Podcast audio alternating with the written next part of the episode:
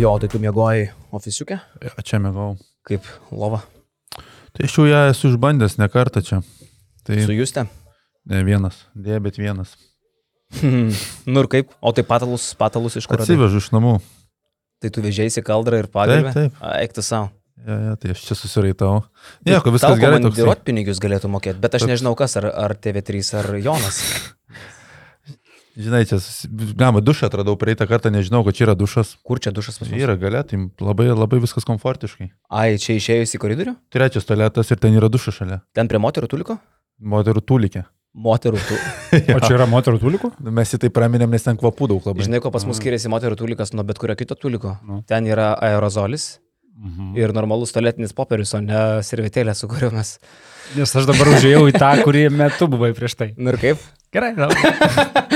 Nu, džiaugiuosi, kad tau patiko redaktoriu. Patiko. Sveiki mūsų žiūrovai ir e, ne tik tai visi e, žiūrovai, bet ir mūsų pliusai, 3863 BN pliusai. Toks prieaugis po direktoriaus ašarų paskutiniam kioniai podcast'e ir po ištraukos paskutinio kioniai podcast'o turėjom ilgai, jautėsi, kad esam vienas kito pasilgę. Turėjom puikų sugrįžimą, nuostabų kioniai podcast'ą, tai jeigu dar nesat mūsų pliusai, tapkite jais ir pažiūrėkite tą mūsų blevizgojimą. Buvo smagu labai. Jo, ir kaip įprastai reikia padėkoti savo didžiausiams remėjams, kurie mums suneša po 50-uką kas mėnesį. Mūsų Milašiaus plano nariai. Pinigai, pinigai, pinigai. Tu sakyk, žinai, pasaulį. Mindaugas Vepštas, Sports News LT, Marius Milaševičius UAB Mačiūnai, Paulius Tinteris, Simonas Plungė, Game Room LT, Marius UAB Izolita, Justinas Bakas, Fixos LT telefonų remontas, Lukas Konratas Rėdis LT, Play Pro LT žaidimų įranga, Vytautas Ratkus, odontologas 24.lt, nepriklausomų ekspertų agentūra Verlita, Delona LT, kava arba T prieskoniai dovanos, Sports Guru LT, kėdai bei laisvalaikio pranga, Vaidas Matalionis, geriausi pokalbių planai.lt. Šį pasaulį valdo tik pinigai. O dar buvo pinigai nerankai, pinigai kitur. Mafija, mafija. Žinai šitą? Žinau, aišku, Legenda. aš pasirašiau tekstą. nu. Tai va. nu, tai ačiū visiems tada Linksmi jūs šiandien. už tai, kad atvažiavot. E, gerai, tai e, gal tada pradėkim nuo... Nu, nuo suprant, nuo to, kad Eurolyga startavo. Nuo to, kad nu. startavo Eurolyga. Aš nežinau, aš tai vis dėlto, okei, okay, dar pernėm prie Žalgirio, bet koks yra gedulas visiems Lietuvos krepšinio mylėtojams, jau prieėjom išvados, kad užsieniui gal tai nėra taip aktualu, kai tu iš esmės gali pasižiūrėti gyvai tik tai vienerias Eurolygos rungtynės per dieną. E, visos rungtynės suplaktos tuo pačiu metu. Ir aš sakiau, kad aš dar išeinančiam Džordžiui vis dėlto norėčiau įspirti vieną gerą uh, į kiaušinius už šitą tvarkaraštį, kurį jis paliko kaip savo uh, darbo iliustracija paskutinių metų Eurolygoje. Niekaip nesuprantamas sprendimas, kai Eurolyga atsižvelgia tai, kada klubam geriau žaisti, bet ne kada visiems Europai būtų geriau žiūrėtas rungtynės. Absurdas. Ir aš suprantu, kad kai nebeliko Rusijos komandos dėl laiko juostų, sumažėjo laiko juostų, kurios žaidžia anksčiau ir dabar yra sunkiau įtalpinti. Iš esmės lieka dvi laiko juostos. Kai būdavo rusai, būdavo trys laiko juostos. Dabar lieka Prie dvi. Ruso. Tai ta, sakykime, rytų Europos laiko juosta, į kurią patenka mes, patenka turkai ir patenka graikai. Mhm. Ir vakarų Europos laiko juosta, į kurią patenka visi kiti. Ir Izraelis patenka irgi į mūsų laiko juostą. Tai aš suprantu, kad yra sunkiau, bet net vakar dienos rungtynės paėmus buvo galima išdėlioti taip, kad tiesiog rungtynės prasidėtų, pavyzdžiui, kas pusvalandį. 8, pusę 9, 9, pusę 10, 10 mūsų laiku, o vietiniais laikais visos jos startuotų tarp 8 ir 9 valandos. Reiškia, nei per anksti, nei per vėlai tu galėjai taip sudėlioti pirmą turą. Dabar gavus tiesiog toks eilinis 26 turas, žinai, kur jau ten užsikasęs vasarį jau viskas užknysė, nei ten tu gal labai ten gilinės, nei ką. Ai, gal mačiau, gal nemačiau, žinai, o čia pirmas turas ir toks. Jo, tai pasibaigi komentuoti, atvažiuoju į ofisą, galvoju, kažką dar pasibaigsi pasižiūrėti, bet žiūri, kad jau viskas pasibaigė. Tai jo, čia gal ir prisitaikyti bando prie tų arenų, bet galima paimti tą čempionų lygos su EFA pavyzdį, kur anksčiau būdavo irgi viskas vienu metu, bet vėliau padarė taip, kad e, yra visada sutartas laikas 10 val. pradėti vie- vienai grupiai komandų ir nuo 8 pradeda dviejas rungtynės, tai tu reiškia per vieną vakarą gali pažiūrėti ramiai du mačius, tai tu pasirinki, kurį žiūrėti pirmą tarp dviejų išsirenkant nuo 8 ir tada antrą mačą reikės nuo to, kurie prasideda 10 val. Tai jau būtų didelis laimėjimas, kad tu du mačius normaliai gali pažiūrėti. Ir jo, ir aišku, tas pasteisinimas gali būti, kad kiekviena komanda turi savo rinką, turi savo televiziją, kuri renkasi laiką, kuris yra jai patogus, taip toliau, bla bla bla. Nu, tai galima visą laiką taip ir žiūrėti, kad, kad svarbu įtikti vienai komandai, svarbu, kad kiekviena jaustųsi laiminga savo šalyje. Bet tada tu niekada neužauginsi produkto, kuris rūpėtų plačiau visiems, o ne tik tai tos komandos fanams rūpi tą komandą. Nu, bet jo, Jo, e, tai kaip be būtų gaila, bet e, matėm vienas rungtynės, kit, kitas prabėgom kokius nors highlightus, gal pasižiūrėjom, statistikas pasiekėm, tai daug nekalbėsim apie tai, kas vyko kitur, negu tik Tel Avive, bet jeigu vis dėlto norėjot pažiūrėti viską, tai GAU3 jums šitą galimybę būtų leidęs. Tai yra mūsų naujas partneris. Mes, mes, jau, mes jau einame iki tokio lygio, yra klausimas tik tai, kada mus pradės Hiltono viešbučių tinklas remti. Mūsų jau remia GAU3. E, tai mūsų nauja partneriai, kuriame dirba ir kolega e, Jonas Lekšas, iš dalies jame Taip. dirba, nes per jį transliuojama, GAU3 platformoje galima girdėti Lekšą. Rodo absoliučiai visas arba beveik visas Eurolygos rungtynes, Gal su mažom išimtim, ne? Jo, ir kas man patinka, kad tu visada ten turi atsisukimo galimybę. Rungtynių, man atrodo, dvi dienas, dvi paras laikosi tas atsisukimas. Tai savaitę laiko. Ai, savaitę, savaitę dabar laiko, pailgino. Tai iš viso gerai, tai jeigu ne, esi krepšinio fanatas, yra Eurolyga toks dalykas, kad visus mačius vienu metu sumeta, bet tu visą laiką turėsi galimybę pažiūrėti įrašą. Jo, ir laivų gali atsisukinėti, kas, Taip. kas irgi yra faina. Tai vakar visą, visą, visą transliaciją rytis bandė išvengti rezultato Bayernas prieš Fenerbakčią, tai jisai ir išvengė, nežinojo, kaip pasibaigė, grįžo namo, atsisuko įrašą ir žiūrėjo, kaip tiesiogiai nežinodamas rezultato. Jo. Ir ne tik tai Eurolyga, jie rodo ir e, tą patį LKL, NBA, Eurocapą, e, FIBA čempionų lygą. Ispanijos lyga, lyga Andesa, e, FIBA turnyrus, Big 3, Big 3, Big 3 netgi mhm. rodo. Uh, Ir tai yra generalinis žalgerio remėjas. Jų logotipas puikuojasi ant žalgerio krūtinės. Šiaip tai žinok, čia tas atvejis, kai remėja net ne iš reikalo reklamuoju, nes mes su gintarė jau GAU3 naudojam antrą sezoną, jo praeitais metais pradėjom naudot. Tai man tėvas yra atvežęs tokį priedėlį, uh, nelegalią televiziją, žodžiu. Prasideda. Ir e, tiesą, ir ten praktiškai man ten niekas nekainuoja, vis prie visų kanalų prieinu, žinai, ten Ahota, Rybalka, ten kažkokie, žinai. Ir... Visal match. jo, jo, match, kur... Nu, Točkarų. Nes, žinai, Gombelis, kai komentuoja, tai ne čia tie lietuviai, žinai, sušikti. Ten tai žmogus, vat, rusai tai komentuoja, ką aš žinai. Iš širdies. jo, jo. Tai tiesą sakant, e, mes nustojom, mes tą priedėlį pasidėjom ir mes nebejungiam jo. Nes mes GAU3 turim viską. Vaikam atskirai, filmus žiūrim per GAU3, nes turi savo, savo bazę, jis įrašė gerų filmų ir padoda tų, kurie geriausiai vertinti iš karto, tau nereikia ten kuistis po kažkur internetuose, ieškoti, nauji, geri, šustri filmai, bam, nemokamai. Kitas dalykas - autorinis turinys, tarkim, aš žiūriu klajumo visokius ten, visokias analizės filmų, jis ten daro recenzijas, man labai patinka. E, serialiukai, vad mūsų kolega Domas Vilčinskas su Mikaičiu, tarp kitko, kaip aktorium darė pats brangiausias serialas, man atrodo, vadinasi. Super. Tai autorinio turinio specialiai GAU3 nemažai sukurtas, kai Gyrys ten krepšinio visą E, filmų ciklą sumetęs. Nekalbant jau apie tai, kad atsisuku visas kažės, LKL, vienintelis GAU3 turi visas LKL rungtynes, specialiai GAU3 yra rodomas LKL internetinis turinys, tai tik per GAU3 tą galit matyti. E, visi įrašai, viskas ten, patogus atsisukimas, tai aš dabar jau, be, aš sakiau, kai ma, iš manęs atims tą koduką, nes aš dar ten turiu jį, kol kas iš LKL gavęs Nahalevai. Tai aš... Vis tiek Nahalevai. Vis tiek. Aš seniai, aš ten. Ne, tai... Aš liksiu ten. Listen, listen. Tai mūsų ofisuose, tiek Vilniuje, tiek Kaune, gau 3 ant telikų. Čia yra patogiausias dalykas, kai va, tu negali kažkur įsivesti kabelinės. Jo. Arba kabelinė kažkodėl sugalvoja, kad jeigu tu ją įsivedinėjai į ofisą, jinai turi kainuoti 3 ar 4 kartus brangiau kažkodėl, jo. negu kad namie, žinai. Va, čia. Ir šiaip pigų, aš nežinau dabar, 14 e, eurų kainuoja tas paketas su visais e, Mažiau, sporto aštu, kanalais. 8 eurų. 8, aš dar ja. filmus turiu, tai gal ja. dėl to. Tai tu turi visus sporto kanalus, GAU3 e, duoda absoliučiai visus TV3 sport kanalus žiūrėti. Ir realiai visą krepšinį. Ir tu matai. gali neklausyti tokių nesąmonių, kurias LRT tauškia per kažį.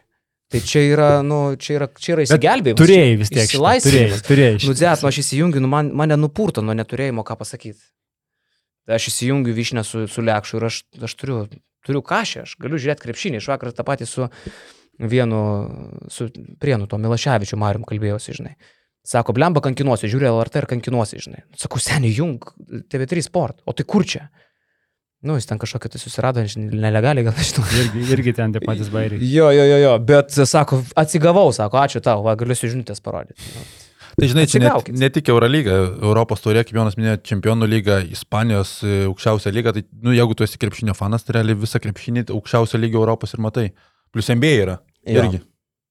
Tai, manau, tikrai variantas turėti. Va, tai ačiū Gautrim, o dabar apie Žalgiriuką. Tai, e, nu, toks Gerai, kokios, keistas jausmas. kokios nuotaikos jūsų?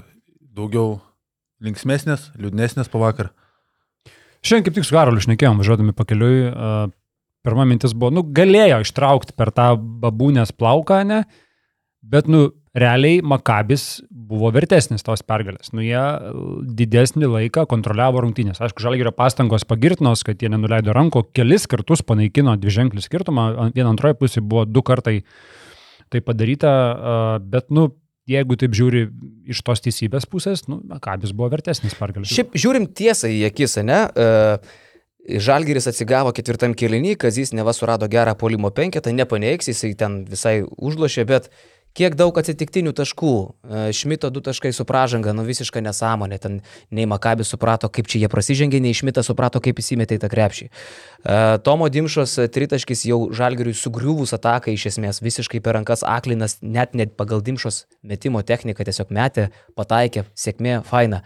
Tomo Dimšos du taškai, kai tiesiog Poitresas dėjo per lentą. E, Dimšos prastas metimas buvo, neparuoštas prasiveržimas, niekas ten nesigavo. Iš esmės Poitresas tiesiog aklai kalė per lentą ir taip gavom tos taškus. Tai va čia jau suskaičiavau ką tik aštuonis taškus, kurie buvo atsitiktinių būdų pelnyti iš esmės, nekalbant ten apie Evanso metimą per rankas ketvirto kėlinio pradžioj, ten irgi ataka sugriuvus ir panašiai. Ar Makabio išsiderinimą absoliutų. Ne, čia yra kaip apiplėšimas Gobų gatvėje, čia būtų apiplėšimas Menorio Miftachį arenoje, nes, nu tikrai, netrodė, kad tas mačas gali eiti iki paskutinių sekundžių. Makabis trečiame kilnė sužaidė tą atkarpą ir visiškai perėmė rungtinių kontrolę. Kaip tu paminėjai, daug atsitiktinių taškų ir pasižiūri tu vien statistikos protokolą ir tu matai 8 rezultatyvius perdavimus ir 15 klaidų ir tu esi per 0,2 deš- dešim- 0,2 sekundės e, nuo pergalės Tel Avive. Tai kažkoks kosmosas skamba, žalgirį palaikė tie atsitiktiniai taškai, 17 palime atkovotų komolių, bet iš esmės, jo, gerų dalykų buvo, bet aš gal sakyčiau daugiau blogų vakar mačiau, nes ir Makabis tikrai nežaidė to tokio eurolyginio gero krepšinio. Na, tai pirmiausia, prieikia prie tų 17 atkovotų polime kamolių. Makabis tragiškai atsitverinėja mūsų aukštaugius. Kevarijus Geis atrodė kaip elitinis centras, kaip Brendonas Deivisas. Ima kamolį po kamolio visą laiką ir tik krepšio antriems šansams pasimti kamolį. Ir ne tik tai Kevarijus, mes ėmėm ir kitų pozicijų žaidėjai ėmė tuos kamolius polime ir kartojo metimus. Tai Makabis žaidė be galvių krepšinį. e, Makabi užteko trečiam kelnyje įjungti kitokį agresyvumą, 10 minučių sužaisti Eurolygos krepšinio, duoti kontaktų ir žalgris matėme, kad kol persiauroja kitą aikštelės pusę, kol atlieka pirmą, antrą perdavimus, visas derinys nutrūksta ir metam pervertinius metimus, laimiai Tomas Dimša pataikė tos 2 tritaškius paskutiniam sekundėm atakos. Aš nesutikčiau, kad žaidė be, be galvių krepšinį. Aš apie atitverinėjimą kalbu, nu, tai elementarūs dalykai tokie, sakykime, ne? Nes kur- šiaip tai, ką... tu turi kūną, tu turi poitrės anybų, kaip tu gali netitverti pastoviai ir leisti 17 kamolių žalgiriui polime pasimti. Nes tai, ką darė Lorenzo Braunas, kaip, kaip jisai dirigavo savo komandą polime, aš, aš nesuprantu, kiek jisai paaugo. Ta prasme, jis, jisai staiga, aišku, dar tik vienos rungtynės, bet tu matai, ką tik į Eurobasketę, pirmas Eurolygos rungtynės ir atrodo staiga kaip elitinis visiškai žaidėjas, kaip jisai kontroliavo vakar komandą, matė, kad Kolsonas, Kolsonas karštas ir jisai ieško jo, ieško, vis ieško, pats neskuba, pats kur, kur reikia pastabdo.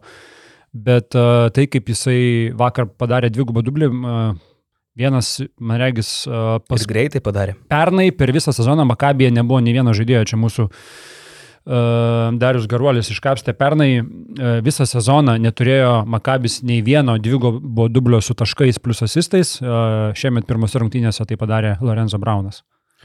Jo fenomen, fenomenalus Lorenzo Braunas, bet pradžiai per daug jam buvo laisvė sutikta komentarnas Butkevičius, žengiant parketo kažkiek buvo pribota ta laisvė, bet man vis tiek labiausiai įsiminė Lorenzo Brauno interviu per ilgąją pertrauką, kai pasakė, kad mes šiandien e, stokojame antrą geriausią komandos žaidėją, tai ten turbūt Veidui Baldvinui buvo pasiūsta Tai žinutė. akivaizdžiai, akivaizdžiai, bet... Tai Va bet- čia ir įdomu, aš dabar nusipirkau juos abu į fantasy ir Brauną ir e, poną Baldviną ir galvoju, kad, e, nes šiaip abu juos myliu. Bet galvoju, kad jau jeigu taip šneka komandos lyderis, geriausias, tas pirmas geriausias žaidėjas, nu akivaizdu, kad apie savį jisai kalbėjo, apie antrą geriausią žaidėją, tai labai įdomu, kokie yra jų asmeniniai santykiai. Ir, ir ar jie po rungtynių paspaudžia viens kitam ranką prieš sėsdami į Nu, Chevroletus savo ar, ar kokias ten mašinas, nežinau, ar nelabai. Nenorėčiau gal, kad jau po pirmųjų Eurolygos rungtynių ten gali būti kažkokios labai didelės kibirkštis, po to greitai Lorenzo Braunas e, pasitaisė, savo, kad iš tiesų mes esame viena didelė komanda, tai yra svarbiausia. Tai... Nu, apie draugelį tu taip nesakytum. Bet žinai, mes, mes, stokojam, čia tokia ironija. Bet mes Antro geriausio žaidėjo. Bet čia gal koks- bet aš čia už tave geresnis, Bet čia gal koks vidinis bairis, tu negali, žinai, žinot, gal čia vidinis bairis, gal jie, pavyzdžiui, vienas tai atraukia, žinai, tipo, tu pirmas, aš antras, ta. Čia žinai, amerikiečių, žinai, žinai irgi gal čia, galvojimas visą laiką, amerikiečiai galvoja, kad aš esu geriausias krepšininkai. Mm, Nu, gal. čia mes nežinom, jo, gal čia mes tikrai ieškom sliekų ten, kurių nėra, tiesiog čia yra kažkoks tai jų vidinis dalykas, kur paskui pasijuokia savo būdų smagiai. Bet šiaip mes daug šnekam apie Brauną, aišku, čia jis paugęs, bet Veido Bolvino individualus talentas irgi fantastinis epizodas ketvirtajame kelinėje, kai jo keli, keli driplingėliai prieš Šmitą, man atrodo, tada verpstė, Šmitas net nesusiorientuoja, kur tas Bolvinas šiuo metu randasi, ieško pagal GPS, o tas jau atšokęs metą pelno taškus. Uh, technika, metimo technika, kamulio valdymas, Veido Bolvino Veido Boldvino, aš galvoju, mes vakar dar toli gražu nepamatėm. Uh, nors net ir tokios prastos kokybės Boldvinas, kiek vakaras? 15? Po pertraukos 17 jis įsijungė. Pirm, pirma pusė buvo sunki, po pertraukos įsijungė, bet dar sakyčiau, kad Bonzi Kolsonas, Eurolygos naujokas, įspūdingas jo debutas 29 naudingumo balai dar prieš daugiau negu metus, gal prieš porą sezonų Žalgris jo domėjosi, kai jisai tapo Čempionų lygos MVP. Tai jau tada atrodė, kad šitas žaidėjas turi žaisti Eurolygoje. Dar sezoną praėjusis pra, praleido Turkijoje, bet dabar matos, kad prieaugęs tą Eurolygos lygį 26 metų ir manau, kad jisai bus vienas pagrindinių irgi Makabio žaidėjų. Ir kaip jisai visiškai paslėpė Ulanovą. Ulanovas vakar turbūt buvo, jeigu ne pas blogiausias, vienas blogiausių komandų žaidėjų. Dar už vakar mes čia gėdojom uh, Ditirambų su Ulanovui, kaip jisai gerai atrodė. Aišku, toks, koks jisai vakar buvo, čia nėra tikras Ulanovas, bet uh, gražu būdavo žiūrėti, kaip Kolsonas, uh, kokio jisai yra erzinančio tipažo bičias, grįžta į gynybą prie Ulanovo, pribėga ir, žinai, tu gali pribėgti tiesiog šiaip, o jisai pribėga ir dar taip, žinai, bampina, atsitrenkia į Ulanovą, lik niekur nieko, žinai. Ir, ir toks, žinai, nu, čia yra toks paerzinimas, kur, nu, gal nebūtinai tu tą Ulanovą išvesi iš kantrybės, bet toks, žinai, maždaug pasakymas, kad aš, aš čia esu, jeigu ką. Jeigu, šiaip pačiau ir Ulanovas draskė į tenai, uh, tose situacijose be kamulio. Irgi padaužydavo. Jie ten, aš manau, jie ten gerai turėjo Jo, pakipti. jo, jo, jo. Per, vieną, per vieną koridorių jų jau po rungtynių ne, nebuvo galima išleisti, aš taip įtarčiau. Bet žinai, mes turim ir kitą dalyką suvokti. Savaitę prieš rungtynę su Makabiu Žalgeris lošia su Neptūnu, Prienais ir Šiauliais. Fiziškumas ten yra, nu, yra tiesiog stiebai, yra degtukai. Ir staiga po tokių trijų šparingų tu atvažiuoji į Tel Avivą ir gauni vieną fiziškiausių komandų Eurolygoje ir atletiškiausių. Ta buvo galima net pajausti iš pirmųjų minučių, iš pirmųjų žalgerio klaidų netgi, kokios jos buvo. E, Perdaim, perdaimų linijas mūsų skaito kaip, kaip šilta Vilna. A, Pirmos klaidos, pirmi varžovo perimti kamuoliai buvo tokie, kur mes atrodo duodam LKL-inį pasą, nes apšilimas mūsų kol kas yra toks, o gaunam Eurolyginį perimtą kamuolį. Ir turbūt, kad čia dar tas irgi gimdymo skausmas, kur reikės pereiti kelias Eurolygos rungtynės, nes atsiminkim, kokias buvo mūsų iki sezoninis tvarkaraštis Žalgirio, ne? Realas, viskas tvarkoja, nepilnos sudėties, nepilnai užsikūręs ir visi kiti abejotinos kokybės varžovai. Kas, Unikaha dar buvo? Nu, tai nėra Eurolyga, ne? Butkevičius Euro, Europos tauriai atrodė didelis žmogus, ateina į Eurolygą, atrodo kaip degtukas. Jis atrodo kaip Lorenzo Braunas pagal sudėjimą. Nors Eurocapė čempionų lygoje pasiryta atrodė didelis vyras. Visai kiti kūnai. Ne, šiaip apskritai viskas skamba beveik įspūdingai, kuomet Žalgris nesužaisdamas gero mačo sugeba ketvirtajame kelne panaikinti dviženklį deficitą, net trumpai išsiveršti ir būna, būna visai šalia pergalės prieš Makabį, prieš įspūdingai sukomplektuotą Makabį, nesvarbu, kad ten irgi jiems dar to susižaidimo trūksta, bet sakau, nereikia užsiliuoti ant tų pirmų rungtynių.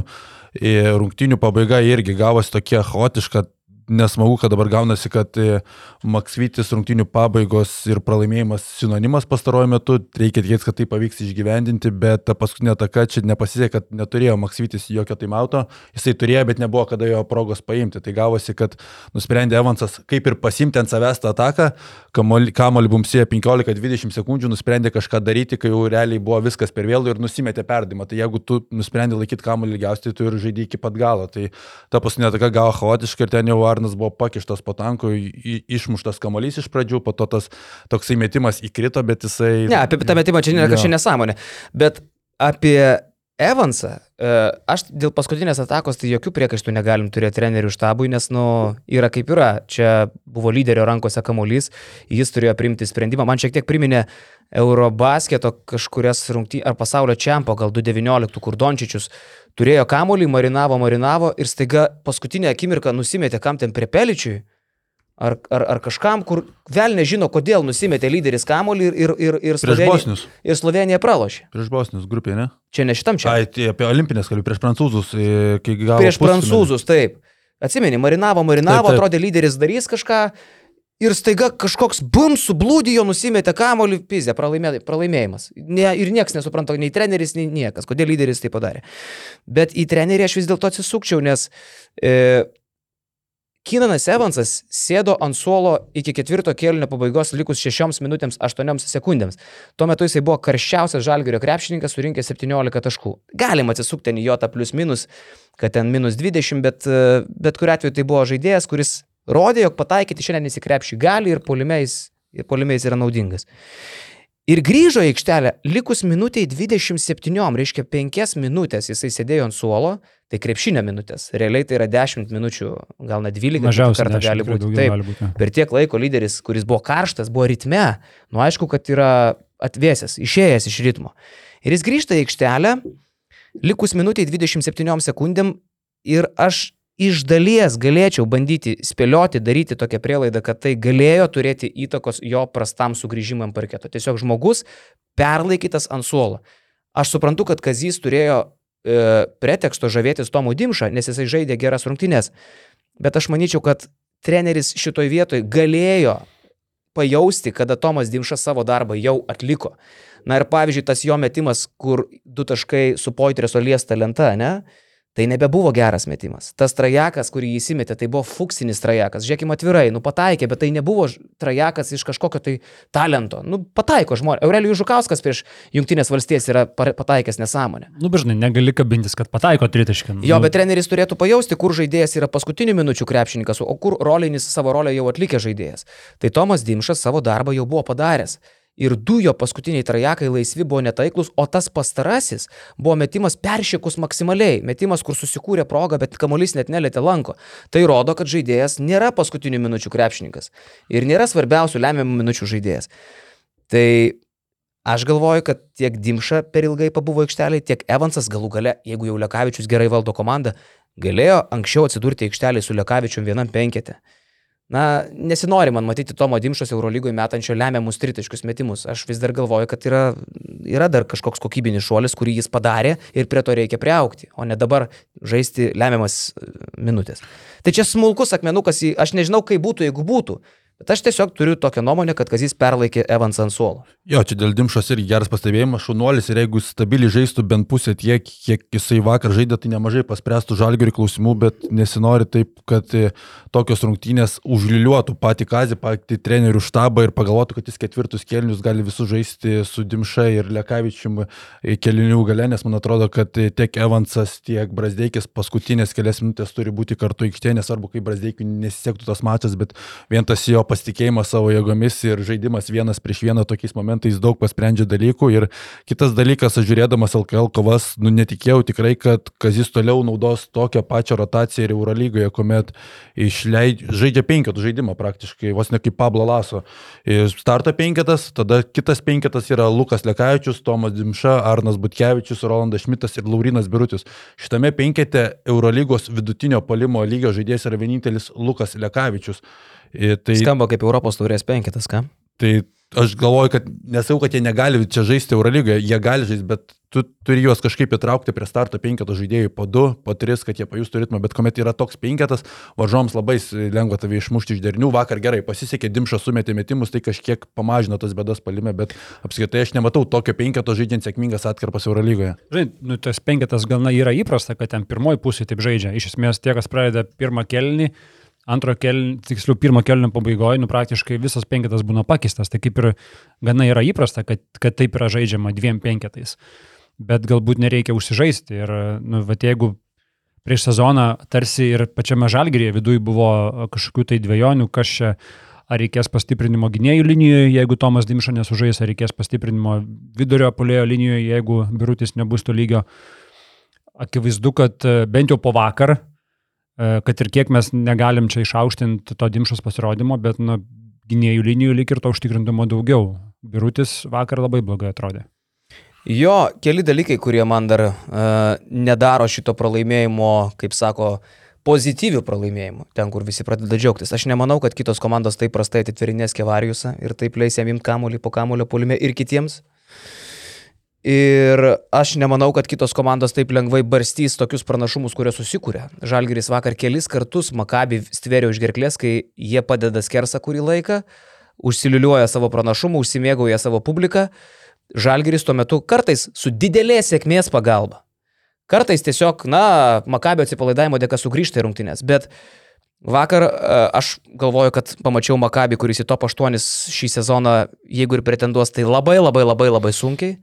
Geresnės komandos, top 8 komandos žalgariui tokių dalykų nedovanos, nei tiek kamolių polime, nei tiek šansų sugrįžti į rungtynes, nei galų gale žalgariui taip seksis sumesti fuksinius trajekus kitą kartą, ar visą laiką Poterisas daužys lentą ir mes sugrįšim su tokiais metimais į rungtynės. Tai... Nu, bežinai. Vėl grįžtu prie to paties, kad aš vis dėlto galvoju, jog teks ateityje žaisti su, su labiau patikrintais krepšininkais pabaigais, nei, nei tikėtis, kad mums kas kartą pasiseks. Čia taip nežymiai pralaimėti Šiaip pat ir Jonas minėjo dėl to paties Brasdeikio, nu tikrai keista, kai tavo didžiausias vasaros pirkinys, tavo brangiausias komandos žaidėjas rungtynių galės sėdė ant suolo. Ir tavo turbūt geriausias viens prieš vieną žaidėjas. Ne, nu čia nieko baisaus, būna taip krepšinį, nu netinka, nu, nelošia tą dieną tas tavo lyderis, žinai, būna. Sakyčiau, būna, ok, komandose, kurios turi labai daug, žinai, e, bet panašaus pajėgumo žaidėjų. Žalgirėje mes kalbėjom ne kartą, kad yra labai didelė, atrodo, didelis skirtumas praraja tarp starto penketo žaidėjų ir antro penketo žaidėjų. Ir ar tikrai Brasdeikiui nebuvo galima atrasti vietos gale, kad ir kiek ten jisai antroji pusė strigo, gavo bloką po krepšių, užminė tą šoninę liniją, e, dar pasitokių pasitaiko. Nežinau. Net jeigu Brasdeikiui negalima, aš sakau, nu, okei, okay, suprantu, kad kūnai Makabio dideli, bet jau Baldvinas, man atrodo, buvo įsibaudavęs, mhm. ne? Galima buvo Kinaną Evansą vietoj Dimšos leisti, jeigu jau Brasdeikiui nediena, jeigu treneriai jo netiki. Lekavičius ir Evansas gali būti vienam penketė, Evansas yra 191 ūgio, pakankamai normalus žaidėjas ir gynyboje, nėra jisai e, keuras ginantis. Na, kažkaip man tą metimą, kurį metė Dimša, aš labai norėčiau, kad jį mestų Kinanas Evansas jau tokiais atvejais. Yes. Jeigu neina Brasdeikiai. Ir smagu matyti tą Kinano Evanso veržlumą, matosi, kad jisai daug paspręs atakų žalgeriui, kuomet striks, striks polimas, reikės vienas prieš vieną žaisti, jisai tai gali daryti. Šalia yra Ignas Brasdeikis, kuriam tikrai reikės adaptacinio periodo, ką aš jau ir vasarą tekste rašiau, kad čia nereikia irgi labai džiaugtis, nes tas adaptacinis sezonas po G lygos ir MBA bus labai dažniausiai būna sunkus ir matėme, kad pirmoje pusėje jis agresyviai ganėtinai pradėjo idea gerai, gerai pradėjo mačą, ėjo į kontaktą, gerai koordinavosi kūnų, tačiau po pertraukos pervirtino savo jėgas ir tiesiog lipdavo į medį prieš 2-3 žaidėjus ir tas polimas įstrikdavo, gal dėl to ir turbūt ryšėmė Brasdeikį jo nebuvo paskutinėmis mintimis, bet kaip ir sakai, jeigu vis laik visos komandos turi vis tiek nerašytas taisyklės, kad yra du komandoje svarbiausi žaidėjai, kurie lemia metu turi kamuolį savo rankose. Tai šiuo atveju Žalgeris aš matau sukomplektuotas taip, kad paskutinėmis minutėmis aikštėje turi kamuolį arba Ignas Brasdeikis arba Kinanas Evansas. Vėlgi atsiminkim Kazio Maksvyčio patirtį su Ignu Brasdeikiu ir grįžkime į Lietuvos rinktinę aštuntfinalyje. Ignas Brasdeikis nužudė Lietuvos rinktinę su ta nesportinė pražanga. Buvo jinai, nebuvo.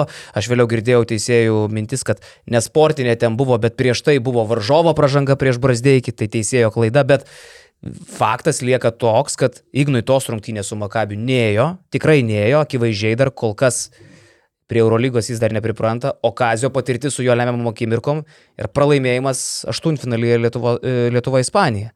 Tai gal ir Kazys pabijojo lipti ant to grėblio. Gal pagalvojo, kad ateityje dar mes jį apšildysim nelemiamais, nedegančiais momentais. Man dėl Brasdėkio neskauda, aš galvoju, man gaila Evanso, kuris buvo karščiausias žalgerio krepšininkas ir sėdėjo ant suolo 5 minutės. Ketvirtam kilinį. Ir grįžo sužaisti 87 sekundžių. Na mes žinom amerikiečių psichologiją irgi.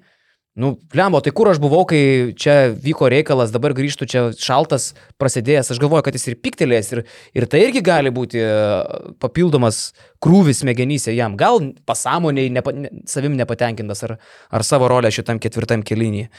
Bet tai vis dėlto žalgerio lyderis. Na jo, čia dėl šito taip vis tiek Kazį Maksvyčių dar irgi reikia apsiprasti, kurioje vis vietoje yra. Čia dėl šito adaptacinio periodo manau, kad nemažai kam reiks tai praeiti, bet aš kitas dalykas, kur Žalgeris tikrai turės spręsti bėdą ir aš nematau, kad neišsispręs savaime. Aš nematau Žalgerio žaidžiant Eurolygoje su Laurinu Biručiu 10 minučių atkarpą, aš nematau net 5 minučių vakar. Ne, nebuvo užatakuotas Birutis taip, kuris galėjo, nes stepautose absoliutus vėlavimas ir tie pranašumai, kuris įrodo LKL, tai tikrai LKL jis yra faktorius, nes komandos kitos neturi tokių gynėjų, kurios galėtų už, užatakuoti drąsiai Brutį, o gynyboje Brutis irgi yra sunkiai sustabdomas žaidžiant nugarį krepšį LKL. Bet visi tie pranašumai dinksta Eurolygai, jisai nėra gerai nusimetinėjantis kamalio aukšto ūgis. Ir tas nugaras žaidimas yra sulėtintas. Taip. LKL e tu viską per tą jėgą stumi, stumi tą gūstį, stumi, stumi, nusistumi ir įmeti tą savo puskabliuką, ar dedi netgi į krepšį. Eurolygui, kol tu dročini tą šiknytę, ten eini ant to posto, tas penkias sekundės iš tavęs iš karto paima kamolį, kaip vakar matėme. Iš karto. Vietoj, tu net nesugebėjai suvokti, kai Bonzi Kolsonas jau kitoje aikštelės pusėje deda tavo pavoktą kamolį iš tavęs pavoktą kamuolį. Nekalbant apie stepauto gynybą ir visus, aš nesuprantu biručio idėjas. Nu, tai yra geras LKL žaidėjas, bet Tai gal LKL ir duoti jam žaisti. Bet visi argumentai, aš suprantu argumentai, kad jisai prieš tavarės aginsis ir falą, kad jisai ant pausto loš. Nereikia čia savęs apgaudinėti, kad jis, per, čia, nu. jisai ir visi radikliai rodo, kad jisai nebuvo nei geras gynybos žaidėjas, nei ACB pirmenybėse, kur turėjo gražius skaičius, bet varžovo aukštaugiai prieš jį versdavo taškus, gynėjai versdavo taškus ir kai buvau skeptikas vasarą tokio pasirašymo, esu nemažesnis tos skeptikas dabar ir aš galvoju, kad deklaruojama yra garsiai, kad mes suteiksime šansą tiek vienoje pozicijoje, tiek kitoje, pažiūrėsim ir tada ieškosime papildymo, bet aš manau, kad Žalgiriui su biručiu laukti būtų per didelę prabangą mėnesį laiko. Ir kiek žinau, Žalgiris tikrai turi pinigų tam papildymui, tai aš manau, kad jeigu tik yra, tų variantų dar tikrai rinkoje yra, reikia Žalgiriui kuo greičiau stiprinti tą antro centro poziciją. Idealiu atveju, jeigu mes norėtume kalbėti apie dar aukštesnius tikslus ir jeigu Žalgiris dar turėtų pinigų, tai tikriausiai visi norėtume ne tik antro centro, bet ir e, sniperio kažkokio atakuojančio gynėjo, kuris e, nereiktų mums prognozuoti, ar Dimšo toliau taip žais ar nežais, bet čia... Dar okay, Davidas Gedraitis grįžta. Dar taip, bet tokiu atveju, žinai, jau būtų per daug gal gynėjų, kažką reiktų,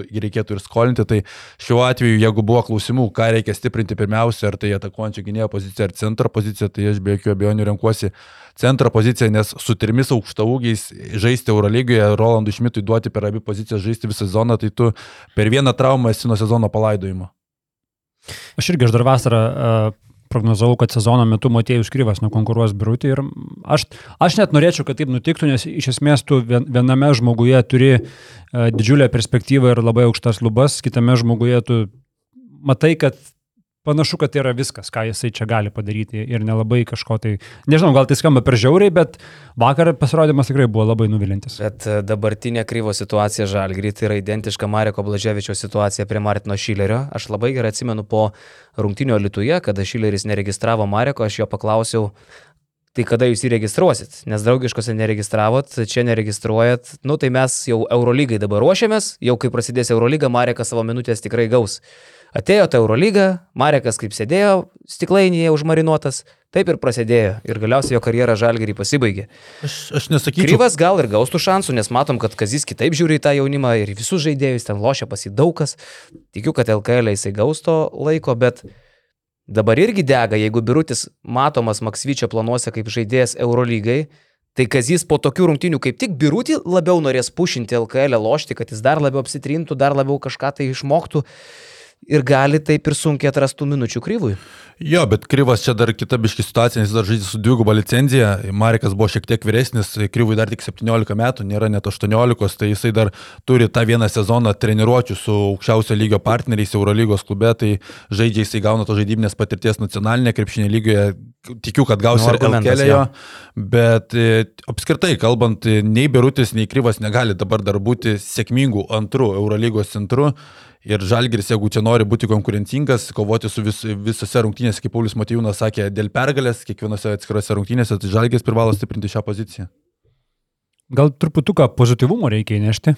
Aš galvoju, mes jau kalbėjom, kad e, labai tragiškas asistų ir klaidų santykis, tritaškių pataikymas irgi tragiškas. Pirmoji pusė iš viso 2 iš 10 ir kem 8 pilinti taškai, aš nesuprantu, kaip taip gali būti, bet tai, bet tai buvo mes turim pabrėžti ir tai, kad nesužaidė ne tik Brasdeikis, brangiausias komandos žaidėjas, bet ir Edgaras Ulanovas, Tyleris Kavanov, tie žaidėjai, iš kurių tikėjai daugiau. Prie pozityvumo periai. Ir tie trys žaidėjai, tie, ne, bet aš sakau, tie trys žaidėjai nesužaidė ir Žalgeris turėjo visus šansus laimėti rungtynės išvykoje Tel Avive. Tai šitą irgi sako, tarsi nėra, jau čia taip viskas, žinai, kaip mes nupaišėm juodom spalvom, tu sakytum, nelabai nori čia pozityvumo ieškoti. Aš galvoju, iš tos pusės tu gali pažiūrėti, kad tu neišnaudojęs labai daug savo ginklų, tu turėjai vis tiek progą laimėti. Ir at, sako kartais ateitis parodys, tai aš dabar sakyčiau, kad Makabis parodys. Nes uh, man patinka Makabio komplektacija, aš sakiau, aš tą komandą palaikau, nes mėgstu Brauną ir Baldviną, bet šiaip tai kad po tos Brauno frazės, po tų Baldvino vaizdų, a, po to Makabio sulūžinėjimo tokio, man šitą komandą vėl primena seną gerą begalvį Makabį, kuriame daug pavardžių, bet atrodo kaip Nižnai Novgorod, kur a, daug amerikiečių krepšininkų, kartais net biudžetas didelis, kartais ir krepšininkai garsus bet nu nelimpa. Atsiminimės, pavyzdžiui, pernai apie Kazanės Unix prieš sezoną tą kalbėjom. Tik Perasavičiui pavyko padaryti tai, ko šiaip dažniausiai nepavyksta su to, tokio, tokio stiliaus komandoms - tapti komandą. Tai aš nenustepčiau, kad Makabis bus tiesiog labai vidutinė komanda šį sezoną ir kad Žalgeris uh, kad Žalgeris, okei, okay, mes čia žavėmės, kad sukovojo neva su stipria komanda, bet kad galbūt net paaiškės, kad tai nebuvo pralaimėjimas labai stipriai komandai.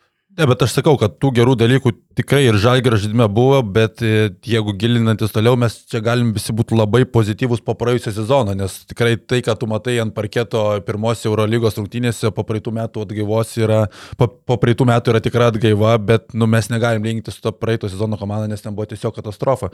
Mes norim būti Eurolygoje konkurencingi, norim kovoti kuo dėl aukštesnės pozicijos ir tas ir spragas ir akcentuoju, kuriuos dalykus žalgeris gali pataisyti, kad galėtų būti ta konkurencinga komanda, kuri kovotų dėl tos 12 galbūt vietos, 11. Nu gerai, pozityvas. Evanso lyderystė. Matom, kas gali mesti, kai griūna derinys, kas gali be baimės, netgi, sakykim, nusupraskim, žmogus gauna gėlių plokštę prieš rungtynės. E, atsimeni, kaip kartais sugriūdavo kai kurie lietkabelio žaidėjai Europos tauriai, Džordžio Gagičių, kai įteikė tą diplomą ar ką ten Belgradė prieš rungtynės. Kaip iš karto žmogus susi, susimyža, ne? Čia žmogus Prieš rungtynės pakalbėjo gražiai apie savo komandą, jį pasitinka 11 tūkstančių fanų, jam įteikia plokštę gėlių, jisai demonstruoja psichologinę tvirtybę, griūna derinys, eina viskas šaibom, meta taiklų trajeką. Derinys suplyšo, meta e, dvitaškį midrangę per rankas, gražų, kokybišką, užtikrintą. Mes turim lyderį, tai, tai tas man pozityvu. Ir netgi lyderį, kuris LKL, e, jis turi galvą. LKL, e, kai mato, kad ten nėra dėl ko plėšytis, Jis ir nesidrasko dėl tų savo statistikų, aš nemačiau jo LKL e kol kas metant tokių metimų. Jis nedaro to, ko nereikia daryti, nes jis turi galvą ant pečių. Tai man patinka, kad mes turim protingą, gudrų, inteligentišką, e, bebaimį, e, talentingą krepšininką. Tai čia yra pozityvas, tikrai. Šiaip įdomu, kiek dar tęsis tie tokie apdovanojimai savo praeitų žaidėjų. Tarsi, Evansas tame Makabėje buvo kelintas žaidėjas. Man tai aš... Kai, Su, nuo suolo kylantis kartai startė. Toks... Ne, nu, 17 minučių Eurolygoje 10 balų. Nu, bet toks. Nu, tai apdovanotum tu, nu, dešimt. Ir metus pažaidė, ne? Ir tu dabar kiekvieną tokį sugrįžimą apdovanosi, man jau kažkiek jau čia yra man tai, perlenkta lasda šitą. Man gaila to žmogaus, kuris tą plokštę pirko, nes aš dar taip nužvelgiau, ten buvo labai gražiai makabės spalvom gėlytis. Mhm. Mėlyna, geltona. Jis net nepažiūrėjo į tas gėlės. Atidavė tautvidui, tautvidas Mindaugui ir gal net paliko oruostį. Ne, dabar čia visi klubai ima pavyzdį iš Lietuvos krepšinio federacijos, visus, visus sveikina, visus apdovanoja, tai ir klubai. Lecha, bet būtų prikolas, jeigu Getvilas dar vakar su diplomu būtų išstojęs ir apdovanojęs Evansą. Kažkodėl, kažkokiu būdu atsidurė Tel Avive. The fuck, Wills?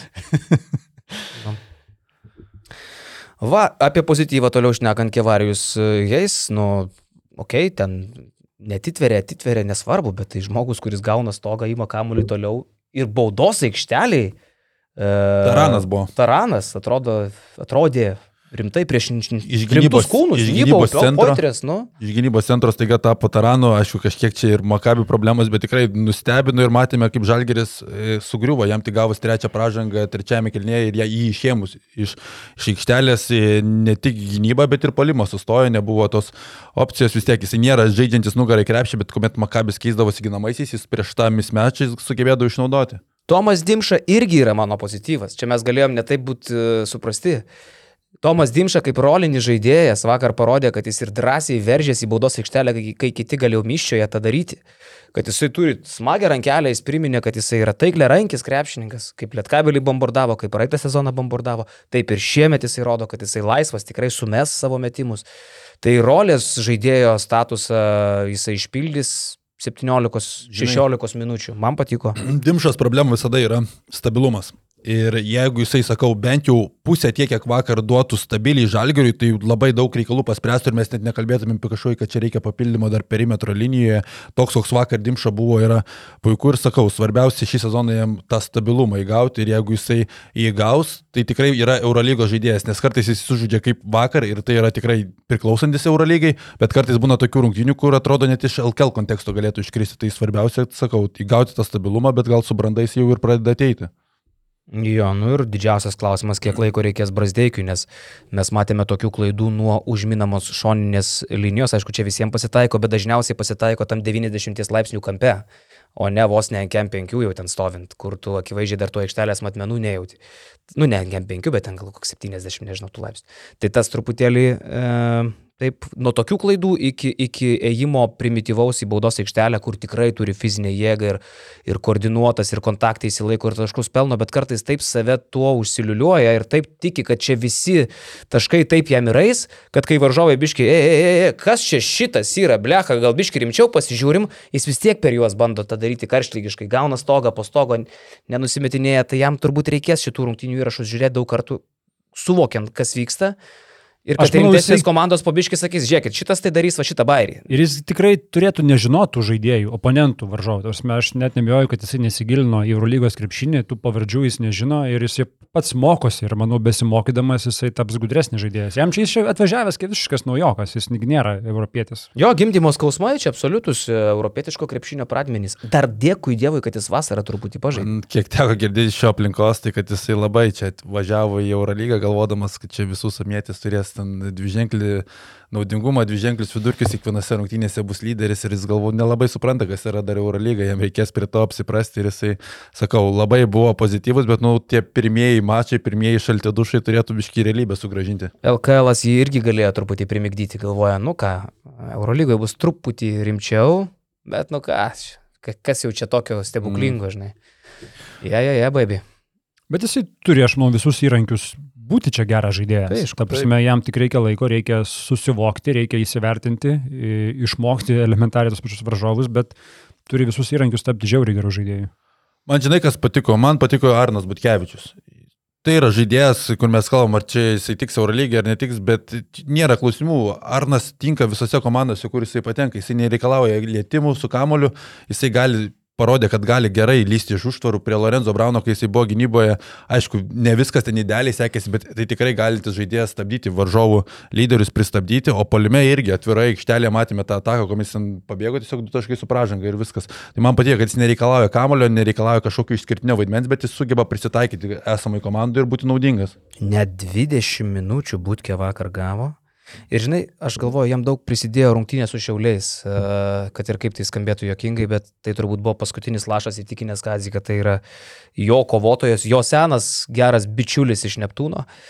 E, vis tik tai su šiauliais jisai pelnė 0 taškų, bet sugebėjo surinkti 16 balų, nes ėmė kamuolius, vogė kamuolius, provokavo pražangas ir dalino asistus komandos žaidėjas. Vakar irgi į krepšį jisai praktiškai nežiūrėjo per tas beveik 20 minučių, 2 metimai iš 3, tik 3 metimai į krepšį. E, balų ne per daugiausiai, nu bet matėm, įsikabino kaip šuo į Lorenzo e, kad kai kada pavykdavo pristabdyti, kai kada ne, bet tai, yra, tai, tai bus Kazio numylėtinis, tai, tai jau akivaizdu. Tik vėl grįžtų, koks jisai mažas atrodo Eurolygui. Mažas atrodo. Lyginant kūnas. su rytų ir... Ar ten telika gal iškreipė tas GAU3 faktas?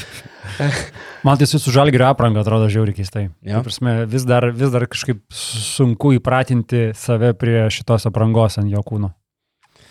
Šiaip pagal idėją Margeris Normantas turėtų žalgerį greitai žaisti. Ryto kapitonai jau Kavaliauskas buvo, Arnas yra, Margeris pareina. Va, nu o ką, kitą savaitę Žalgiriuko laukia dar viena išvyka į kitą, dabar jau dar rimtesnę teritoriją, Pirėjus, Eurolygos Final Four dalyvis, Olimpijakosas.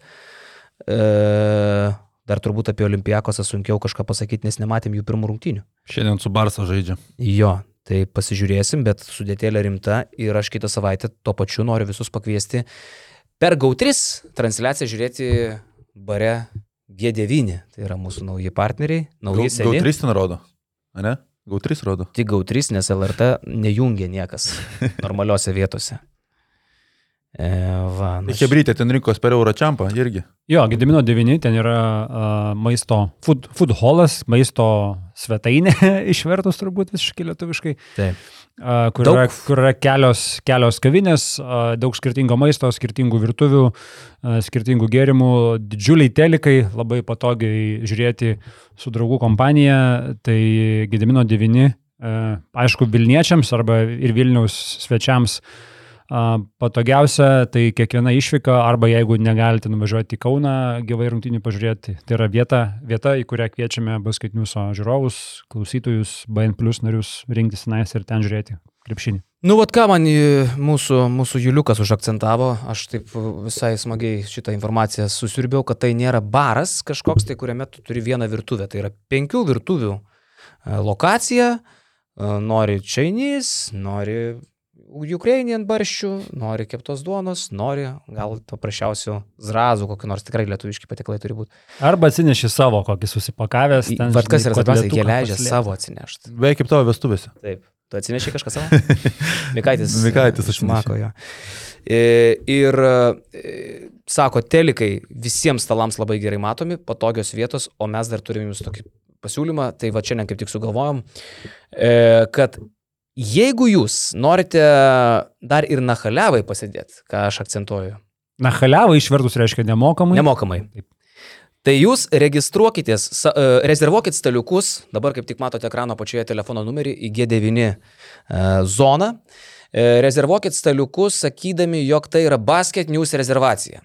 Tada automatiškai jūs pretenduojate O ka- į o ka- 50 eurų Kaip sąskaitą. Skirs, jeigu, pavyzdžiui, bus aštuonios basketinius rezervacijos ir atėjęs žmogus sakys. Karolis "Aš čia Basket News rezervacija. Va, Vilius Basket News rezervacija. labai gerai. Antanas Basket News rezervacija. Bus kokie, įsivaizduom, gal 8, gal 6 staliukai, neturėtų būti didelės konkurencijos. Basket News rezervacijos.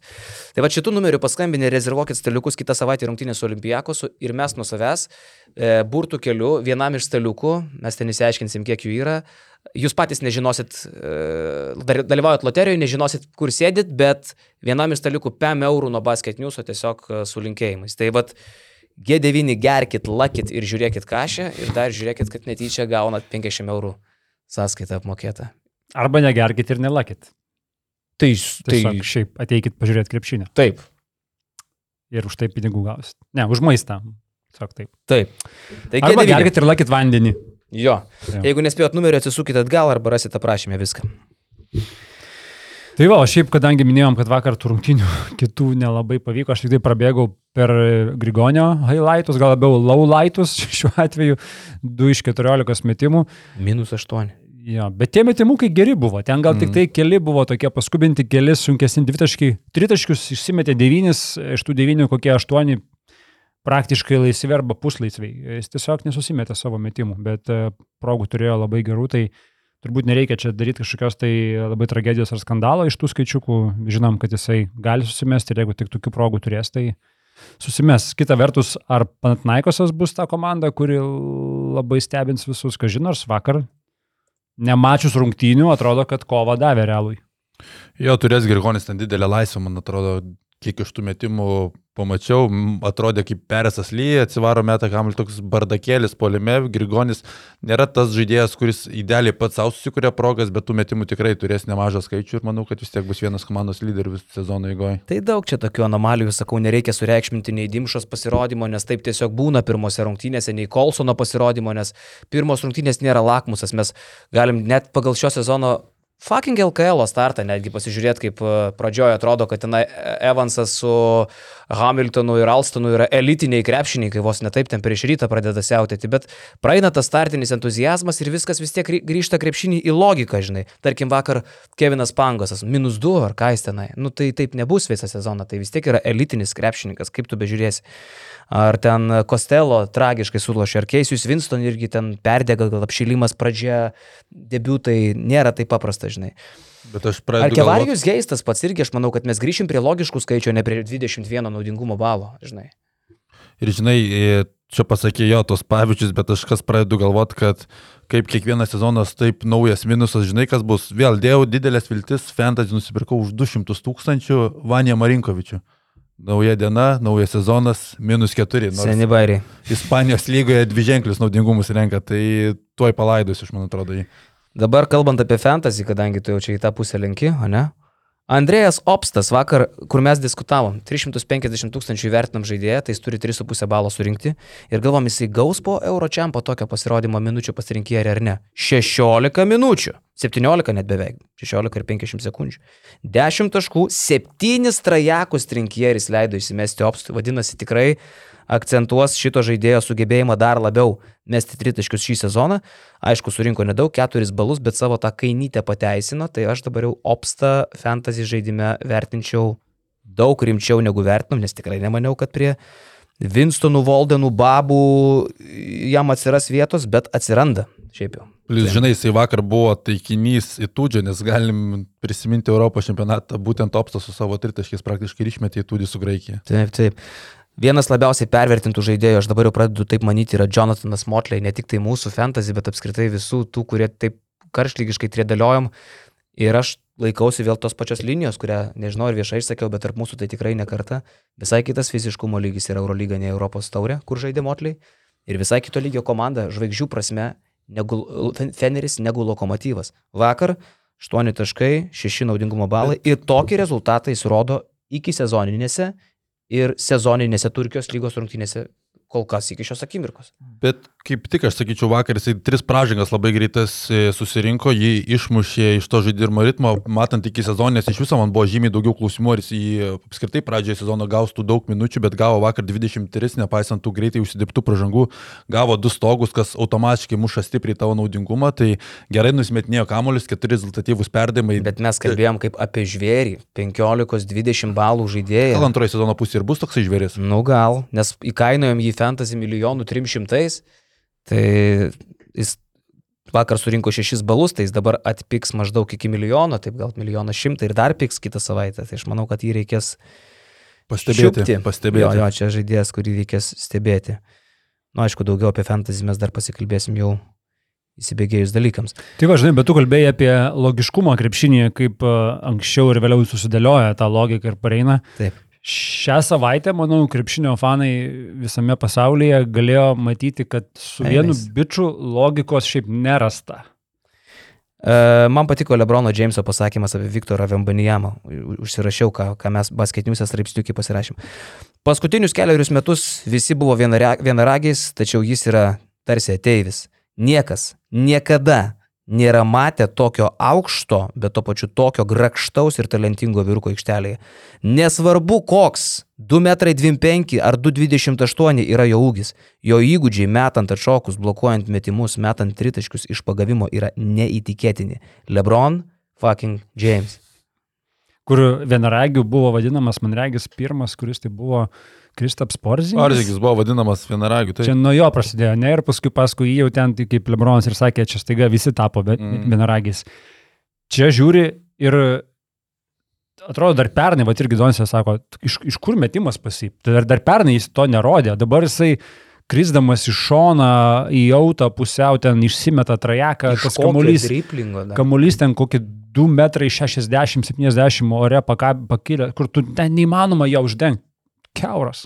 Šiaip įspūdingai tobulėjai, jis dar praėjusio sezono pradžioje Eurolygoje toks atrodė pasimetęs, i, net čia pataikęs atrodo, bet dabar kaip jis atrodo tose prie sezoninės rungtynėse, tai nu, kosmosas kaip patobulėjęs, metimas atsiradęs, užtikrintas, dabar tas jo metimo lygis panašus kaip Kristopas Porzingis stebino visus NBA, dabar Vembanijama turi Dar geriau. ir šalia turėdamas žymiai daugiau įgūdžių, žaisdamas veidų į krepšį, galintis ir iš baudos aikštelės sužaisti ir dar jis toliau tobulėja, tai daug dievė jam be traumų. Lemba, aš tai nenoriu jo iš tikrųjų Europos čempionatuose, pasaulio čempionatuose, nes čia yra cheat kodas, absoliutus. Aš e, tokią mintį pasižymėjau ir paskui skaitau, vat, mūsų naujieną žiūriu tą patį karys, pasakė žodį žodin, e, kad tai yra žaidėjas, kur aš kurdavau NBA 2K arba NBA Live, va tokius va. 230, viską pataiko, visur bėga, vis taip kamoliu varosi, greičiausias, aukščiausias, šokliausias, visų, iš visų, ta prasme, ir visi vaikai mes taip darydavom, mes tokius susikurdavom.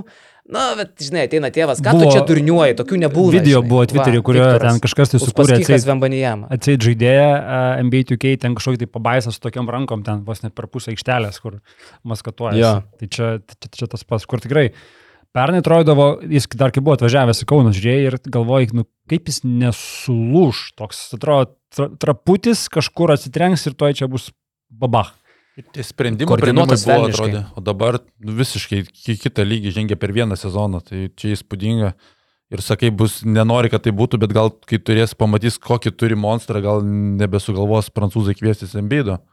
Tai jau man tada geriau, kad žaistų Vembanijamą su Gaberu, negu dar ir Embidas atvažiuotų. Kas man dar čia patiko? Baisiausia, jeigu jie sugalvos ir Embidą. Vembanijamą, Goberas, Embidas, pavyzdžiui. Aš- Gobe- Goberas šalia jo atrodo mažiukas. Už Jie- 0,20 jie vakar- techninį jie vakar- pralaimėjimą pasiemi, man atrodo, negerai, ne, gali baudą gauti. Gerai, jo. Ir nulį taškų gauni skaitinių. Vietoj vieno pralaimėjimo. Bet šiaip yra gražu, kaip NBA dar kartą visam pasauliui parodė, kad krepšinis yra biznis. Čia Biznis. nuo Šterno amžinatelis tas yra pasilikę. mokykla. Supranti, čia mato, kad yra tikras, tikras, tikras unikornas, tas vienaragis, jau čia pats tikriausias ateivis, ne? Ir turbūt susėdo vyrai aplink stalą ir galvoja, nu kaip, nu kaip mums va iš jo išgręž dar iki NBA kažkokios naudos, nu kaip tą padarius. Kodėl vyrai tai ir Kimbohuni gal sėdėjo? Nu ir moteris, atsiprašau. vyrai ir moteris, taip. Atsivežam į, į Las Vegasą, tarkim. Jo, kodėl ne, davai, jo, padarom rungtynių porą. Jo, ten sezonas Prancūzijai. Eiktų sezonai tie Prancūzijai, baigt. Niekam čia nerūpi. Niekam nerūpi. Ir va, ir padaro draugiškas rungtynės Las Vegase. Uh, su kažkokia tai ta G lygos komanda. Toj G lygos komandoje žaidžia kitas bičias, kuris yra pagrindinis konkurentas dėl pirmo šaukimo. Tu jau, jau va čia, kurį intrigas dar jiems abiems net netėjo. Tu labai gerai pastebėjai, aš netgi highlightų žiūrėdamas matau, kad ten žiūrovų nemažai pakankamai tribūnose. Ir aš žiūrėjau į juos, netgi kai kada, ne tik į aikštelę, jie visi su telefonais filmuoja Vambanijamą, įsijungia dar kartą highlightus, žmonės tribūnose, telefonus pasėmė, filmuoja Vambanijamą, tas ten išstebeko iš belekur, ten kryzdamas pataiko trajeką ir taip matau. O taip žmonės, tai va taip daromas e, produktas, taip kūriamas e, stebuklas ir bičias atvaro, ant jo pastatytas grajus, 37, 36 taškai, 18 metais susideda va tokius vakinukus, kaip kerbedis, žinai, ar kaip ten tas idiotas Lepsas Grigorijus atsisėda su komentatoriais ir užtik, pat ar dar jo talentas. 18 metų bičias turi ką pasakyti. Ir tą daro charizmatiškai. Atsisėda, jo, žino, čia taip yra, čia taip jo, sakinukais toks sirvidis, tik taip talentingas labai, žinai.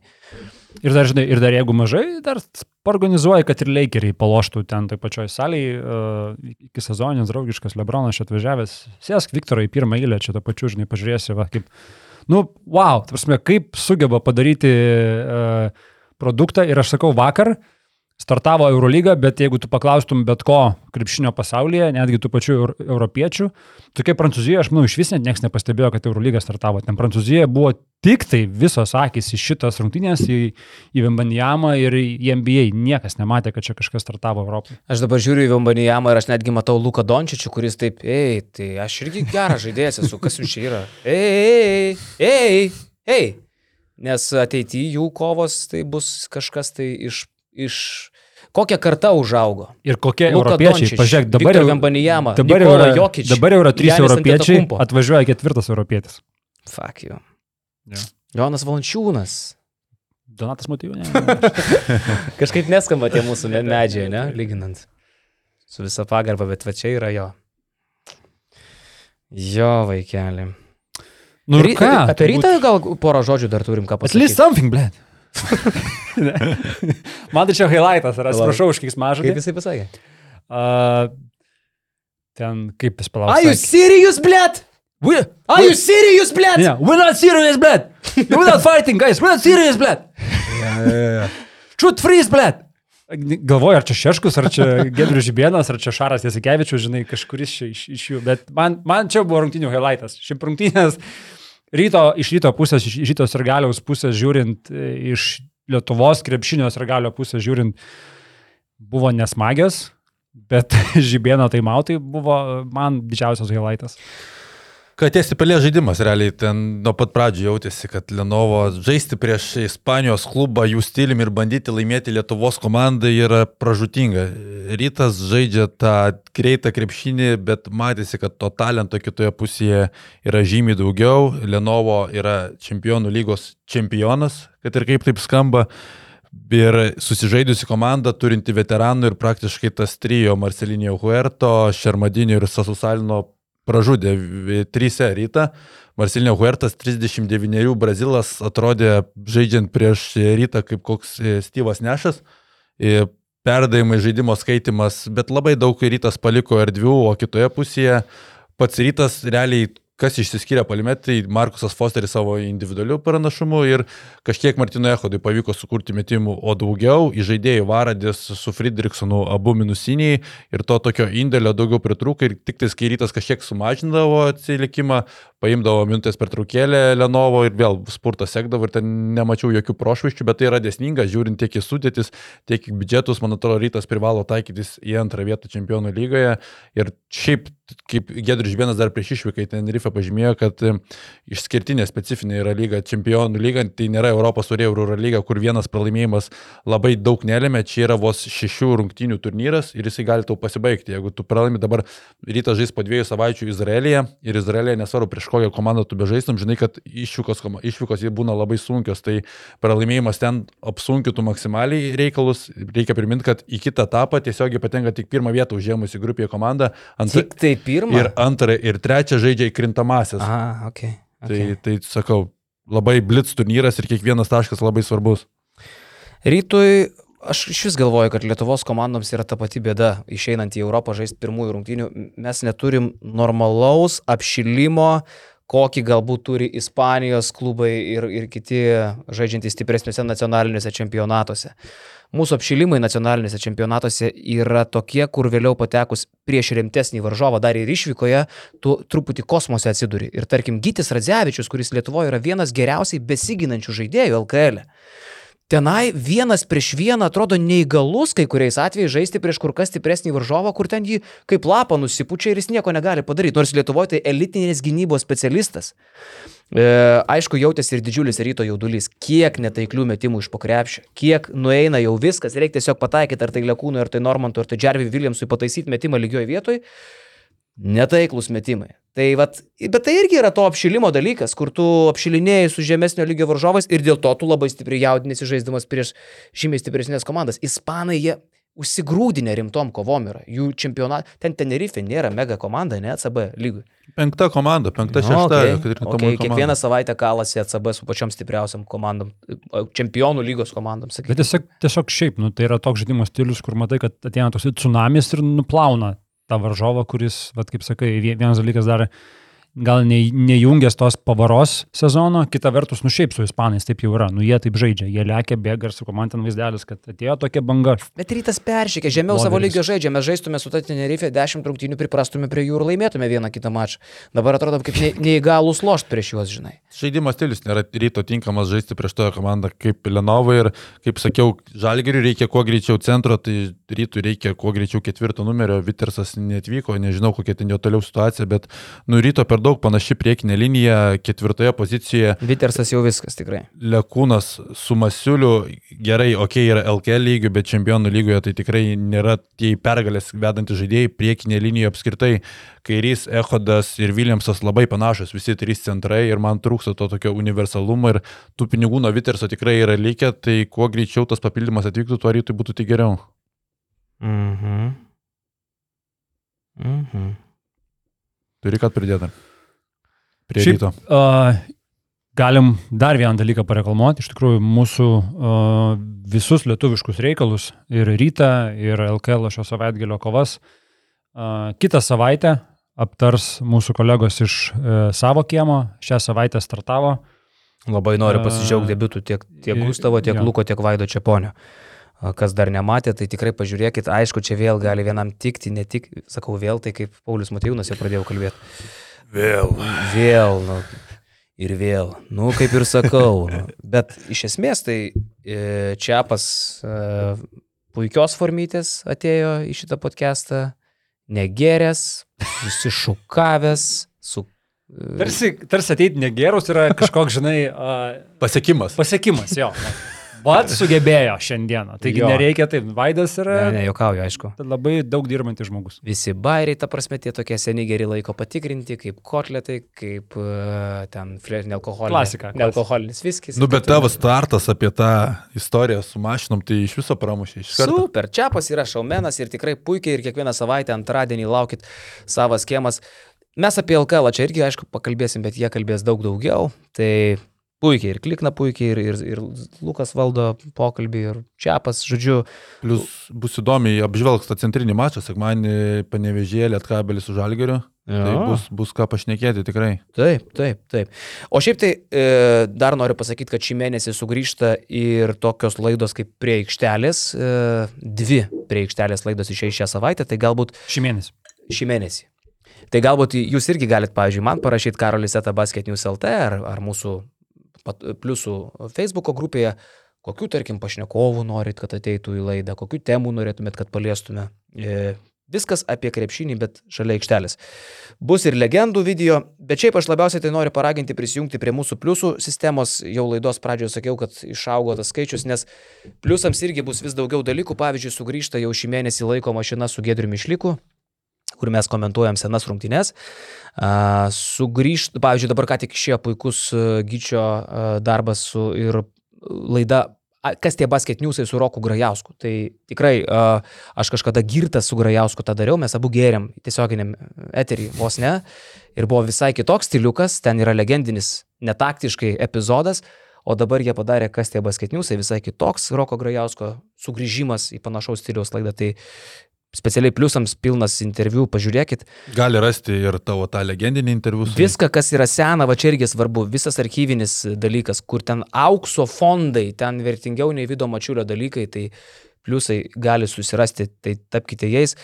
Taip pat, kas savaitiniai Vaido Čiaponio komentarai, va naujausias irgi išeis šeštadienį.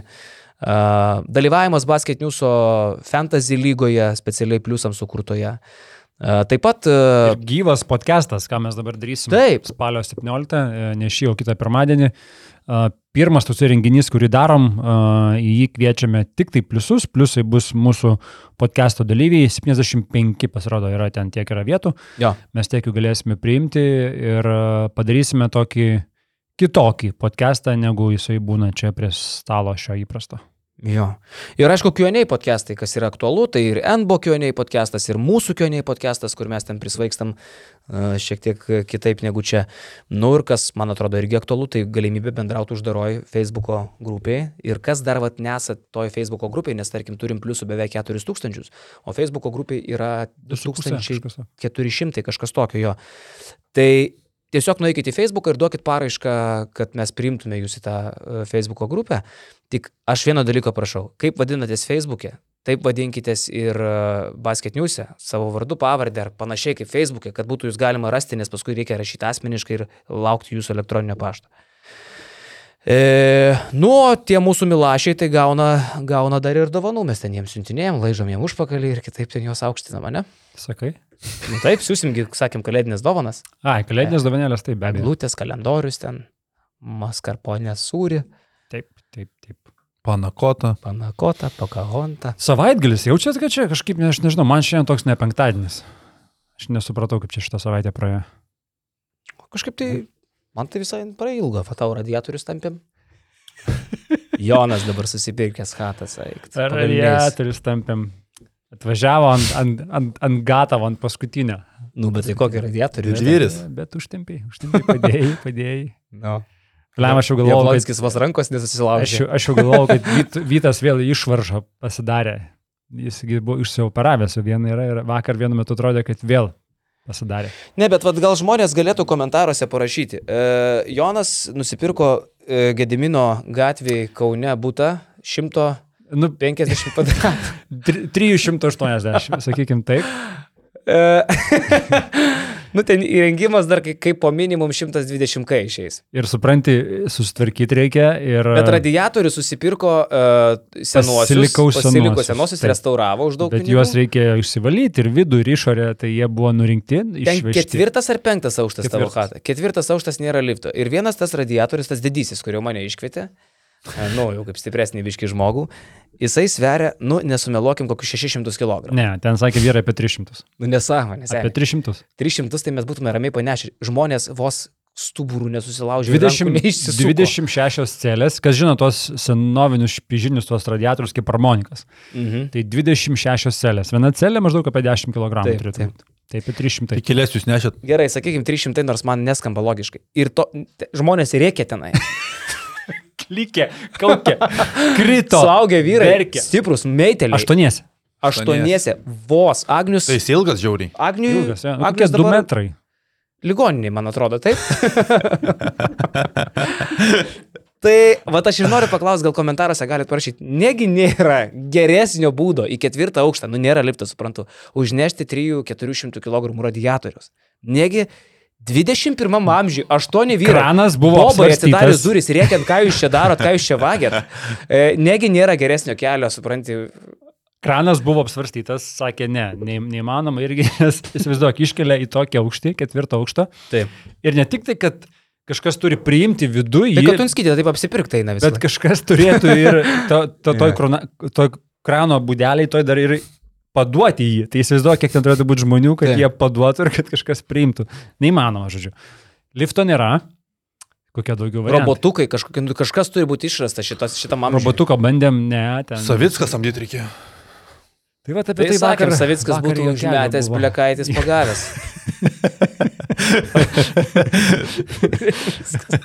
Ir viskas tiek ne? bėdų. Aš sakau, kažkada Savicku, su Savicku dariau intervą, klausiau, kiek jūs suvalgot, žydrūnai. Sakė, vištą pusryčiam vieną. Su, su. Pagauna ir. Gal plikom rankom. Nupiešė greitai. Jo, jo, jo. Nu, Nudegina tuos likučius, žinai. Taip, taip. Tai va, Po ponai. strongman, no problem, ne? Jo, tarp kitko, čia mūsų sugrįžimas, mūsų trijulės į normalų podcastą buvo po kokio pusantro mėnesio gal, nes prieš Eurobasketą paskutinį kartą sėdėjom čia. Ir gal visai pabaigai, prenumeruokit Basket News Facebook kanalą, e, YouTube kanalą, tapkite pliusais. Nu, karočiui. Instagramai. ten Pakomentuokit, la la la la la ir iki. Te. Iki. Jeigu dar neišjungėte šio video, galite padaryti dar du dalykus. Spausti kažkur čia ir mus prenumeruoti, arba rasti daugiau turinio BN. Na ir dar čia kažkas.